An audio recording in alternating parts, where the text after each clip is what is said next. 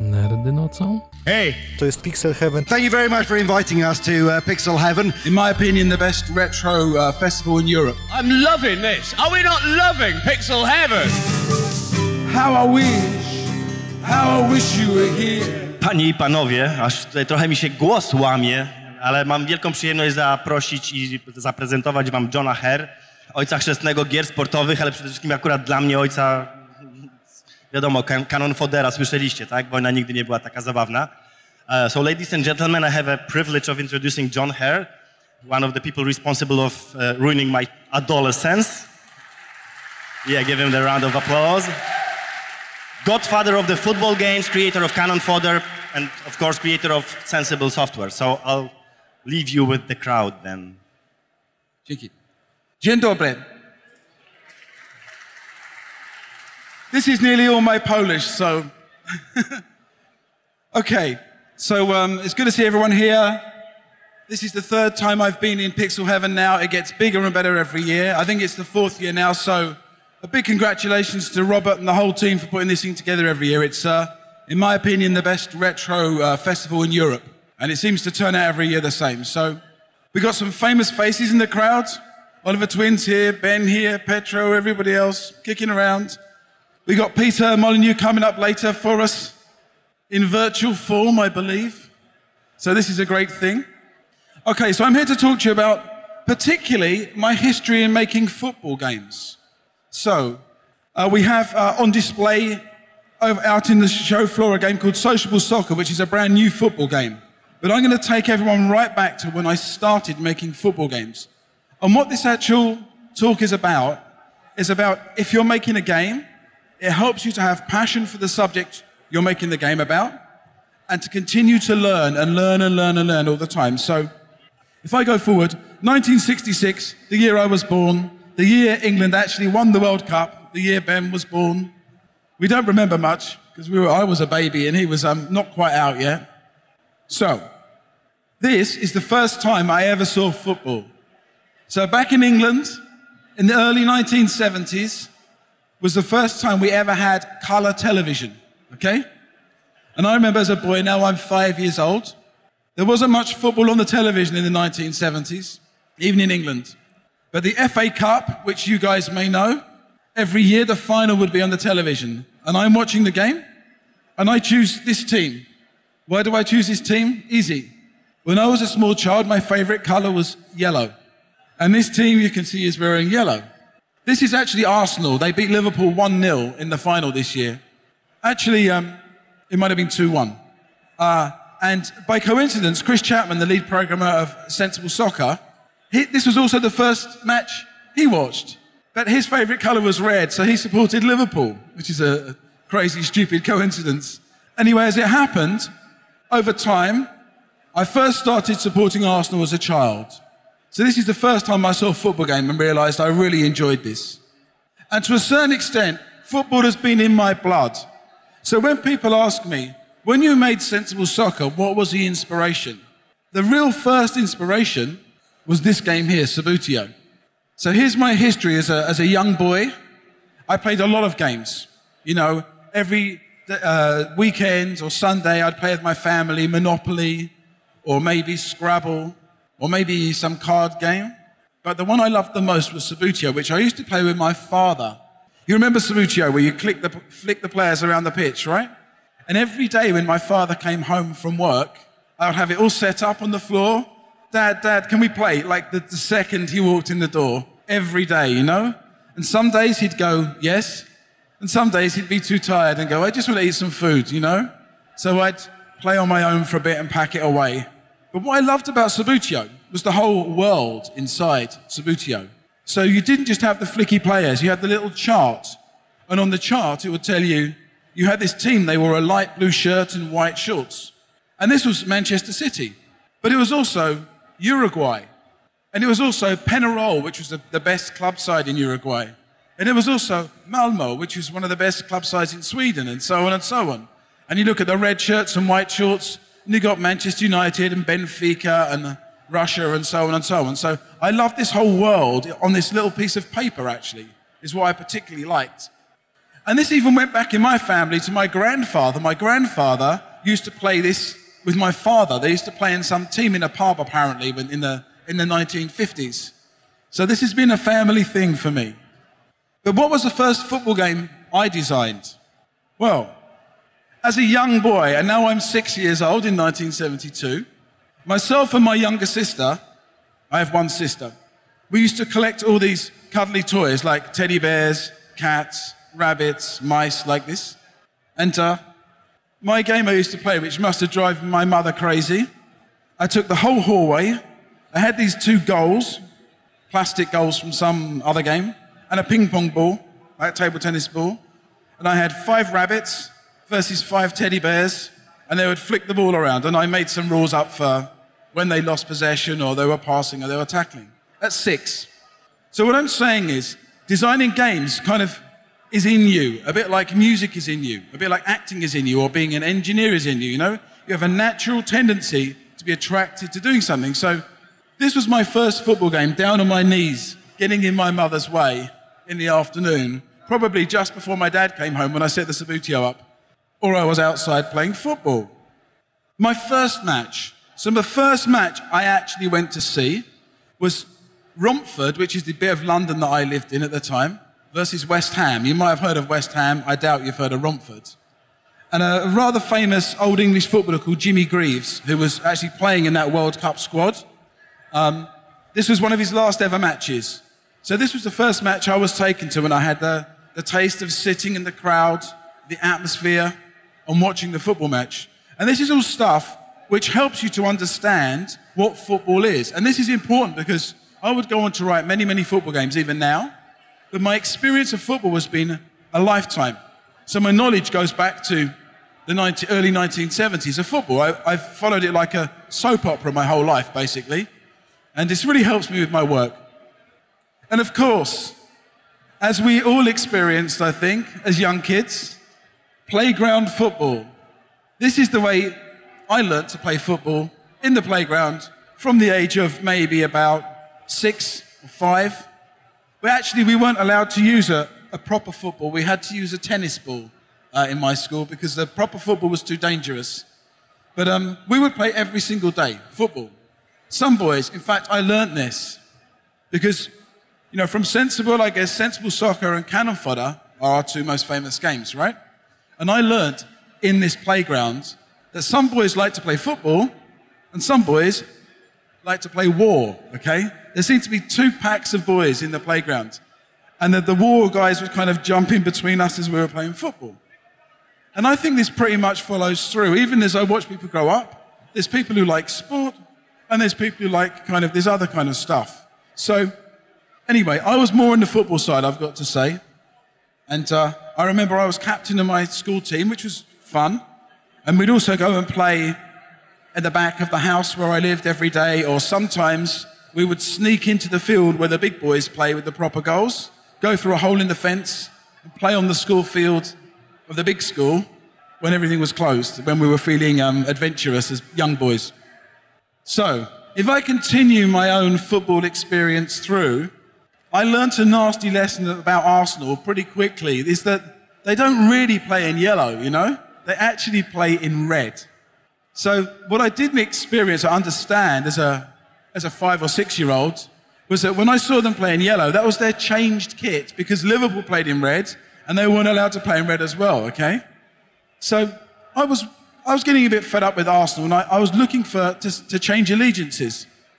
Anyway, so I chose this team, Norwich City. It's the team I support now and have done since this, this date, since a 12 year old.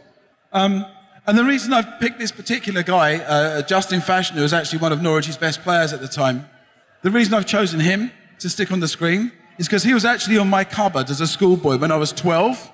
He was in my bedroom on the cupboard. But I actually changed his name to Jesus Fashanu, and with Tipp-Ex, with Tipp-Ex, I drew on a beard and hair and stuff. There were quite a few defaced footballers, but he was, he was the best one. And I think that cupboard is still in my dad's garage, actually, at home now, all these years later, covered in mold and stuff. So then what happened? So I went through my teenage years, maybe playing football a little bit in school, but then other things kind of got in the way, okay? So from 15, I met Chris, and we started uh, making, uh, being in bands together. You know, a lot of the music. Uh, myself and Ben will play a few, few numbers later on today. Um, but we started in the band from 15 years old. And Chris Yates would go on to be my partner that we set up Sensible Software with. We were the two guys who ran the company. And so we progressed from trying to write music and failing, telling my father, don't worry, uh, I dropped, we both dropped out of college. And uh, I said to my dad, don't worry, we're going to get in a van. We're going we're going to be a band. It'll be fine. Of course, it wasn't fine. We didn't make the money from the music, but we had a lot of fun and we learnt. And there were other things that were maybe distracting us, like smoking joints and being interested in girls, obviously. So the point of this is, it was great for my software development days and my music days, but my focus on football maybe drifted a bit. I wasn't so much focused on following it so much. Of course, I watched all the big games. I remember Liverpool, Nottingham Forest, Aston Villa. There was a period where we were winning many European tournaments as uh, English clubs. And I still followed Norwich, but not so intensely. And more importantly, I stopped playing football altogether from the age of about 15, 14 or 15. So, we went through, and then this game started to hit the arcades. Does anyone remember this game? Tehkan World Cup. Nobody? Yes? Ben. One. You remember it? No? Okay. So this was an arcade machine. So in those early days, in the early sensible days, nearly all our games were inspired by arcade machines. So if you look at Parallax or Wizball, which have been inspired by uh, Nemesis or Salamander, um, and then this game came out, Tehkan World Cup. And it was a really good football game compared to the rubbish that was around at the time. There weren't that many great football games at all on the Spectrum and Commodore 64 in the early years. And this had a trackball. So you made the players run by doing this with the trackball. It actually really bruised your knuckles up. And then you press the button to fire. And this game here would go on to be the inspiration for uh, the first real football game that I made on a computer, or myself and Chris made. This one. How many of you remember this game? Okay, very good. okay, so if you look at Microprose Soccer, you, I don't know if you can see the detail on, on this, but it's not too far off what's actually on the top of that screen, to be honest. So it was definite inspiration. Of course, this was proper innovation on the Commodore 64. So, Microprose Soccer, you've got here very advanced graphical techniques for the uh, 8 bit days we overlaid little black sprites in those tiny pixels. You know, the, the two color sprites you could do were overlaid on top of the blocky, ugly, bricky colored ones to give us a nice colored in outlined football character. We added um, fancy things like bending the ball. This was a nice innovation. Pit, rain on the pitch. Um, a, a, fancy rewind option. Little effects and stuff. So we had a good fun playing with this. And, and when it came out in 1987, uh, CMVG, who were one of the biggest magazines at the time, called it the, the best sports game on any machine ever. So we're like, that's great. So this was good. Unfortunately, we wanted to call this game initially Sensible Soccer. So we actually pitched it around to publishers and said, we've got a game called Sensible Soccer. Microprose, you guys remember Microprose, right? Microprose liked the game, but they said there's one condition. We want to call it Microprose Soccer. But they also offered us £30,000 as an advance. So we said, okay, we'll change the name. So we changed the name like that. They were not the best company to work with, Microprose Soccer was a, good staging post and a pretty good Commodore 64, arguably the best football game on the Commodore 64. And then, round about 91, I can't remember the exact date, myself and Chris both decided we needed to get fit and not just eat Chinese food and stuff and pizzas in the office and all that classic stuff and start to play football again. So we put together a little um, sensible football team. This is actually not the sensible football team. This is me with some friends. We play in different cities around uh, Europe. Every, every year we go to a different place. So we've been to so many different places, like Brussels or Dublin or New York. We went one time. That was nice. But anyway, I got back into playing football. First playing five-a-side, and then later playing other football as well. But this was good because A, I'm not the slimmest person in the world, and it keeps me a bit fit. At least it makes my legs strong. And uh, secondly, it got, me, got us back into understanding football and that feeling of being on a pitch. And then in 1992, we have sensible soccer. Now, back in 91, when I was playing football, we were developing Megalomania. Do you guys remember Megalomania? Yeah, okay, cool. So, Megalomania was a very, very long development process. It was hard work. It's probably the hardest finish of a game I can remember. And myself and Chris Chapman, we had a, a new guy uh, as a lead programmer, a brilliant guy, Chris Chapman. Um, and he was a lead programmer on Megalomania. And uh, we would work really late nights, like really super late nights. And uh, we were playing a lot of kickoff. Uh, kickoff 2 specifically, I think, at this point. And uh, you know, Dino's about to do a, a revival of kickoff. So I would really encourage all you guys to support Kickoff Revival. Uh, Dino played on stage with us last year, which was great. So be interesting to see what he's doing with that. And it was certainly an inspiration for us to at least think, you know what, it's about time we did another football game. We'd had Micro Soccer, which was the most successful football game on the Commodore 64. We played kickoff. There was a couple of things we maybe thought were good and a couple of things that weren't so good. And we went about, um, well, I went about dressing up the Megalomania men in football kits. Actually, if you look at these little men here, they're exactly the same as the little Megalomania cavemen and other people running around the screen. So um, initially, Sensible Soccer was uh, uh, men were running around Megalomania World, the very first time they existed. And then uh, when we finished Megalomania and Chris had a bit more time, we made, uh, we made a football pitch for them to run around on. And by luck, the same angle and perspective and scale we had from Megalomania was a brilliant camera view for a football game. So we ended up with this quite big vision. So you can see here there's a, there's a guy here taking a free kick, and he can see a guy short here, a guy here, even one back here, and two guys to pass to. So what we found was that from this perspective, you could be more tactical in your play because you could see the options. These options that are very similar to actually when you play real football. So once we had an engine nailed, and in this game's case, it was very rare. Two months into development, this was already an amazing game. We were playing it in the office all the time. Uh, indeed, the new sociable soccer game, like I say, which is on show in there, um, we've been the same. We've been playing it too much, and this is a really good sign you've got a good game on your hands. So then I started to think about adding this football world I'd always fantasized about since I was a child. So to add all the different teams we could. Initially, we only chose European teams. The first release was for Euro and 92. The, obviously, the Euros are coming up next week. And uh, we put quite a sizable world into the game. And some real obvious innovations, like we were the first game to have black players, like players with black skin or guys with blonde hair. Okay? Now, the reason this was important for me as a football fan, I would see Liverpool on the television. John Barnes, one of their best players, from a Jamaican heritage, so he's a black guy. He was white. Like in all the games, he was white because they only made one sprite, you know? No one could be bothered to recolor him to what he actually looked like. But as a sports fan, this just looked rubbish. It looked wrong, you know, it looked inaccurate. So these simple innovations of doing three versions of each player sprite rather than one looked really good. Then we come up with the idea of putting the numbers above the player's head. This was a good way of indicating who the current player was, but also, if you knew your football, you knew someone was number seven or number 11. And doing the research, we had a guy called Mike Hammond who did a lot of research for us, which we'll come on to a bit later. So, Sensible Soccer was obviously an amazingly big hit. Suddenly, we had lots of money pouring into our bank account for royalties, which was the first game that really gave us a lot of money this game, some serious money. So, what happened next? I want to talk a little bit about the team. How did we get to making a great game like Sensible uh, Soccer? And indeed, follow it up with Cannon Fodder. We had Megalomania before it. We had WizKid somewhere in the middle, which I, I feel is a great game, although maybe not quite as regular. Has, has anyone played WizKid? Oh, good stuff. Hardcore. Okay, so how did these games come about? It's a great team. I'm actually working with a great team now in Helsinki. And the difference of working with a great team as opposed to a good team is amazing. So I'm just going to introduce you to the team.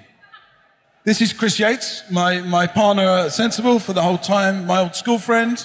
This is Chris Chapman, who's a lead programmer on uh, Megalomania and Sensible Soccer.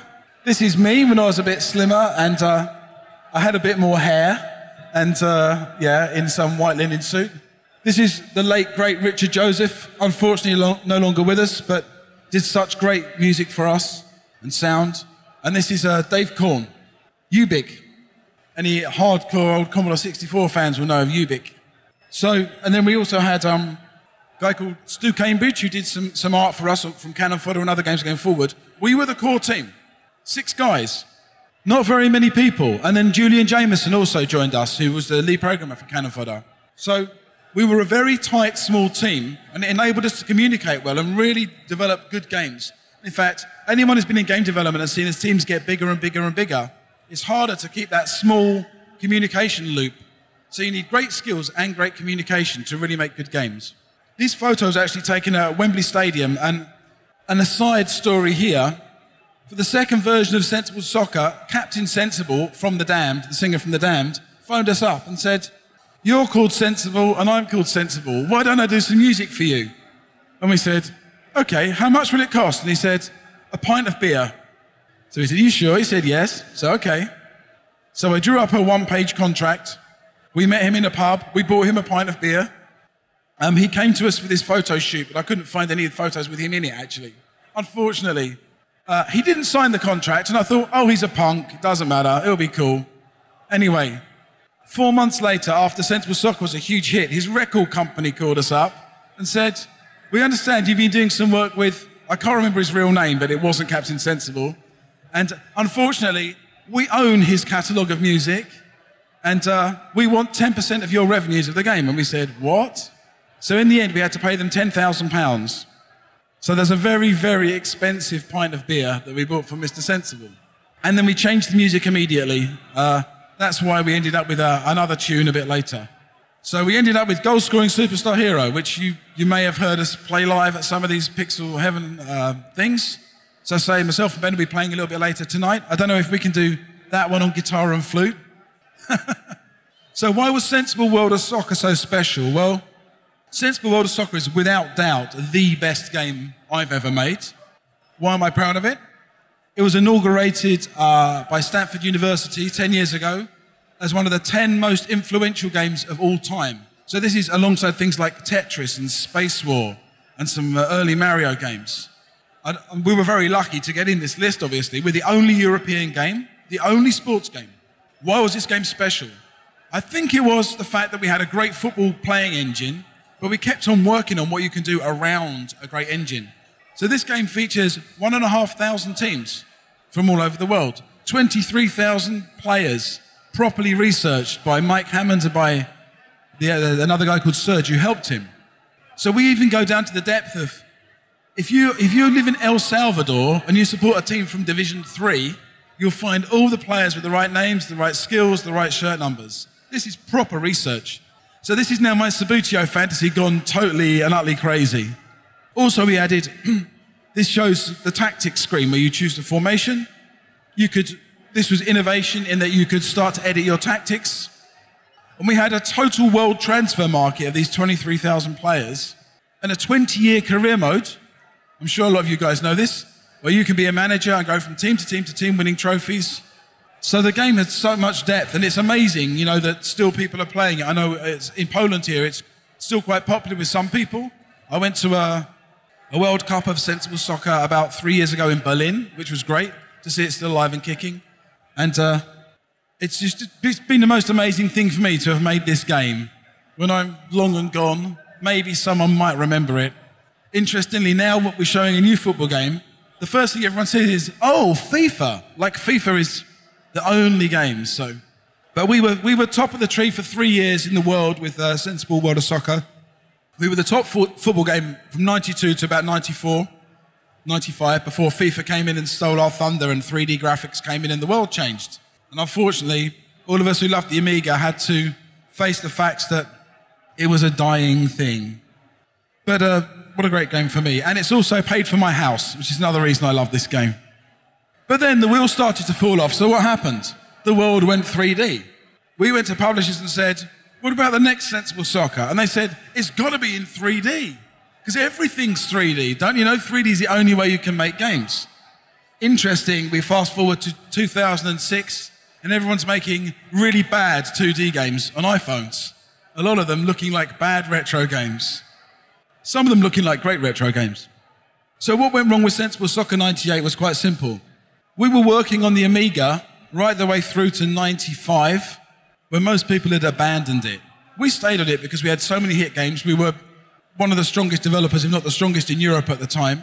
But when we changed to 3D, my God, we were so far behind everyone else. We didn't know how to get programmers to work properly on it. We didn't know how the art worked. We didn't know we needed a bigger team. We didn't know how to have middle management to control a big team. We were just making mistake after mistake. And it wasn't just this game. Also, we made uh, Sex, Drugs, and Rock and Roll in a game called Have a Nice Day at the time, all in 3D. A total disaster. The learning curve of the company we were. So, unfortunately, this game was. Um, it's okay. Some people liked it, but it's very substandard. Look at it. It looks pretty bad, right? So, I, I think that um, I think that this was time for us to go, and this is one of the reasons we um, actually sold Sensible Software was that we had to go this model more, get more and more and more people, go fully 3D. Chris and I started as a two-man band, remember, playing music. We, were, we already had 20 people, and we worked out we needed 40 more. And it was like, we don't really want to do this. So we sold the company to Codemasters, which was a, a good decision. In the meantime, I started to um, play 11-a-side football with some with Norwich. This is actually Darren Huckerby, if anyone knows their football, one of our best players. So I've played every now and then in these charity matches at uh, Carrow Road. I played one recently, actually. And uh, you get to walk out and rub shoulders with one or two star players, and a lot of people like you who pay money to be on the ground of the team you support and enjoy that.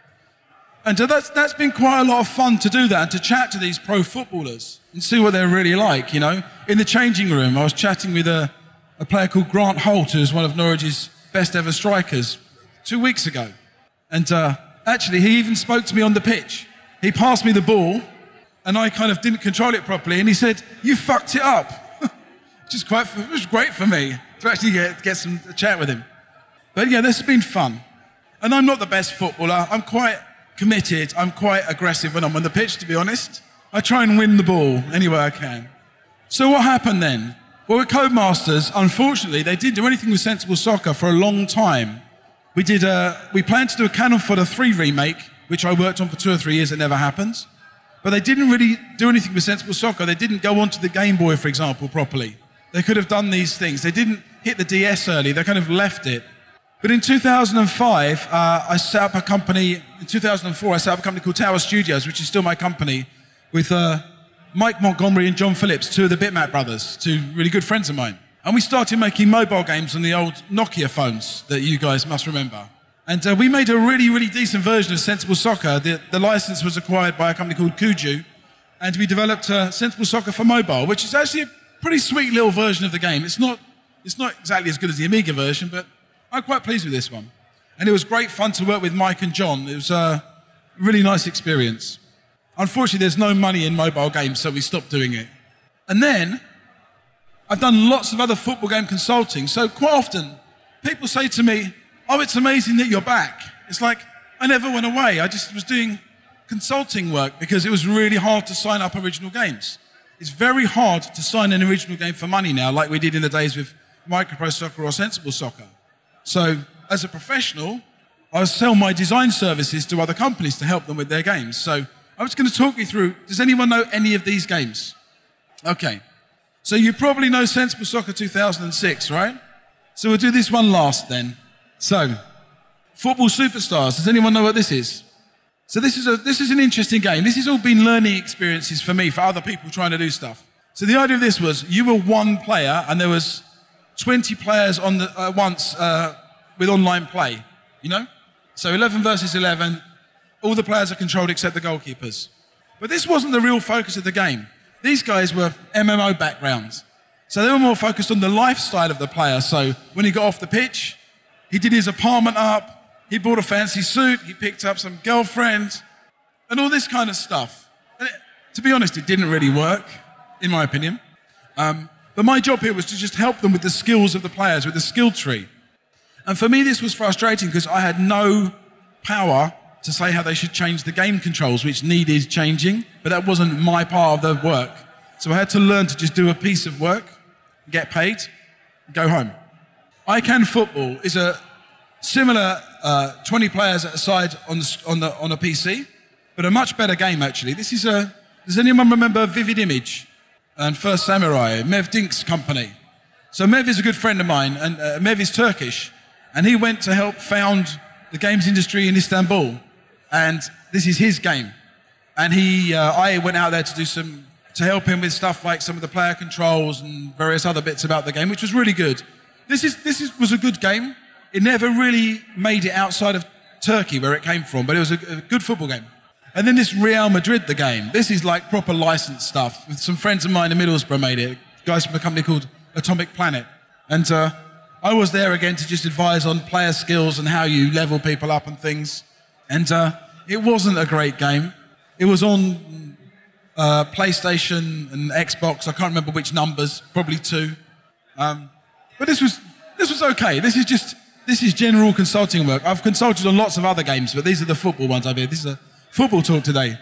And of course, Sensible Soccer 2006, in my view, the best 3D version of Sensible Soccer that's existed so far, apart from the one in the room over there, which I want you all to go and play and tell me if you agree with me.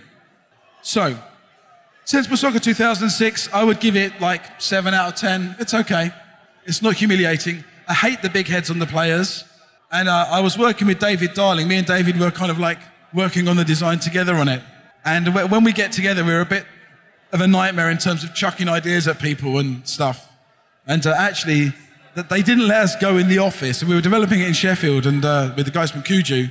They actually wouldn't let us in the office for the last month because we wouldn't shut up and they wanted to finish it, which resulted in some bugs being fixed in some strange ways. So unfortunately, in this game, the goalkeeper sucks the ball to his hand sometimes, like out of the air, because it solved a crash bug. So good for solving the crash bug, but it makes people think that the goalkeeper's cheating, which wasn't good for the game. But that's what happens, not a bad game. So then what else have I done? So I got more involved in real football again. So these guys, this is the team I still play with. This is Anglia Ruskin. So we play, we play in a league with, I, I live near Cambridge. So we play in a league with Cambridge colleges like Queen's College or Jesus College or Darwin College, like that. And uh, I got a little more involved. You can see there the, the tower logo. There was one point that the club got into trouble. They needed some money, so I helped by sponsoring the team to keep it alive, basically. But this has been great for me because this team is quite unique in that it's a staff team for the university, which is like fleshed out with uh, senior students. And they have many senior overseas students. So currently the squad is like half old English guys and half young, fit Nigerian guys, which is a really good blend for us older guys because they have got the kind of the pace and the strength and the skill. And maybe we've got a little bit more of the tactical now, so it makes a very good combination.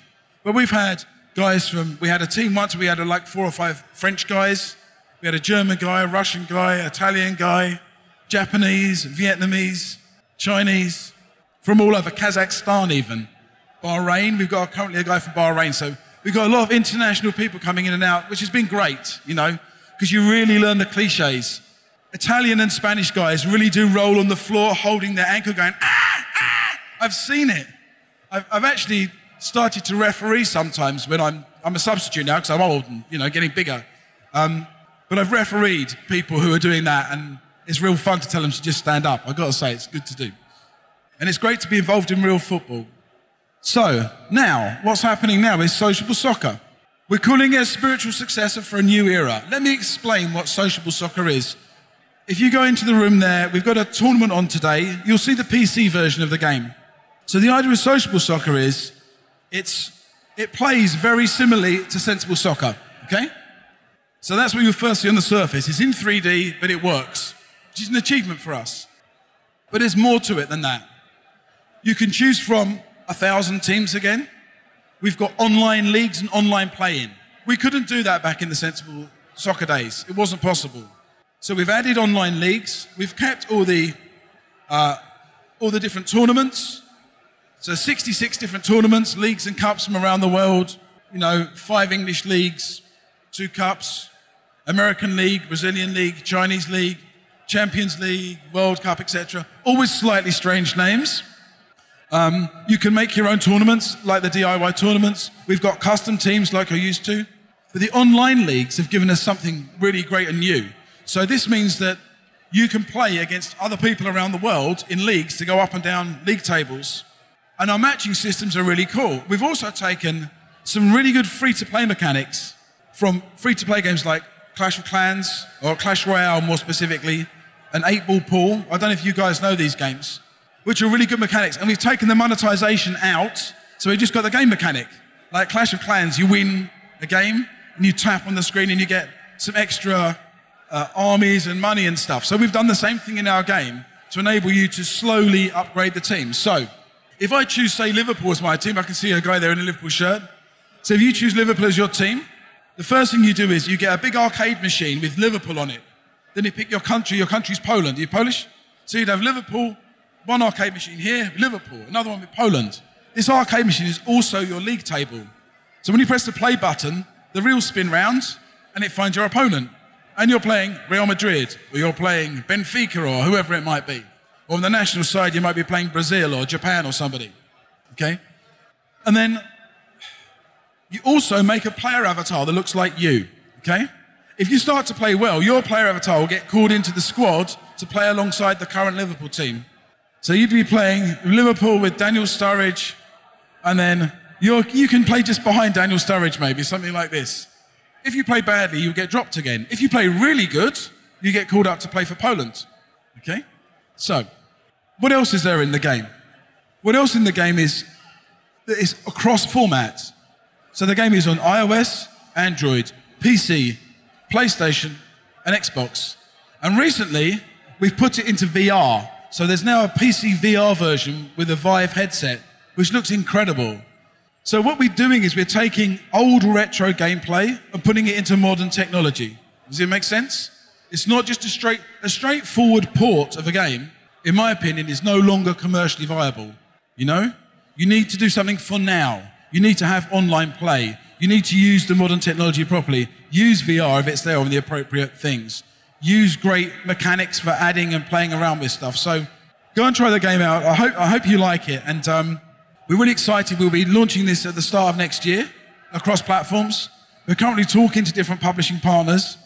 And uh, Sociable Soccer isn't exactly, hopefully, the end of what I do with football games, but it's certainly the current end point. So I think we're, we're done for time now. Yep. So thank you very much for listening. Uh, please go and play the game. We have a tournament of this game today. We need 16 people to enter a final. So go and practice and then get yourself in the finals and you can win a prize. We have a trophy. We're just in the hall over there. Thank you very much. Enjoy the show. Powiadomienia o nowych odcinkach będą na stronie nerdynocą.pl oraz na stronie gplusowej Nerdów Nocą.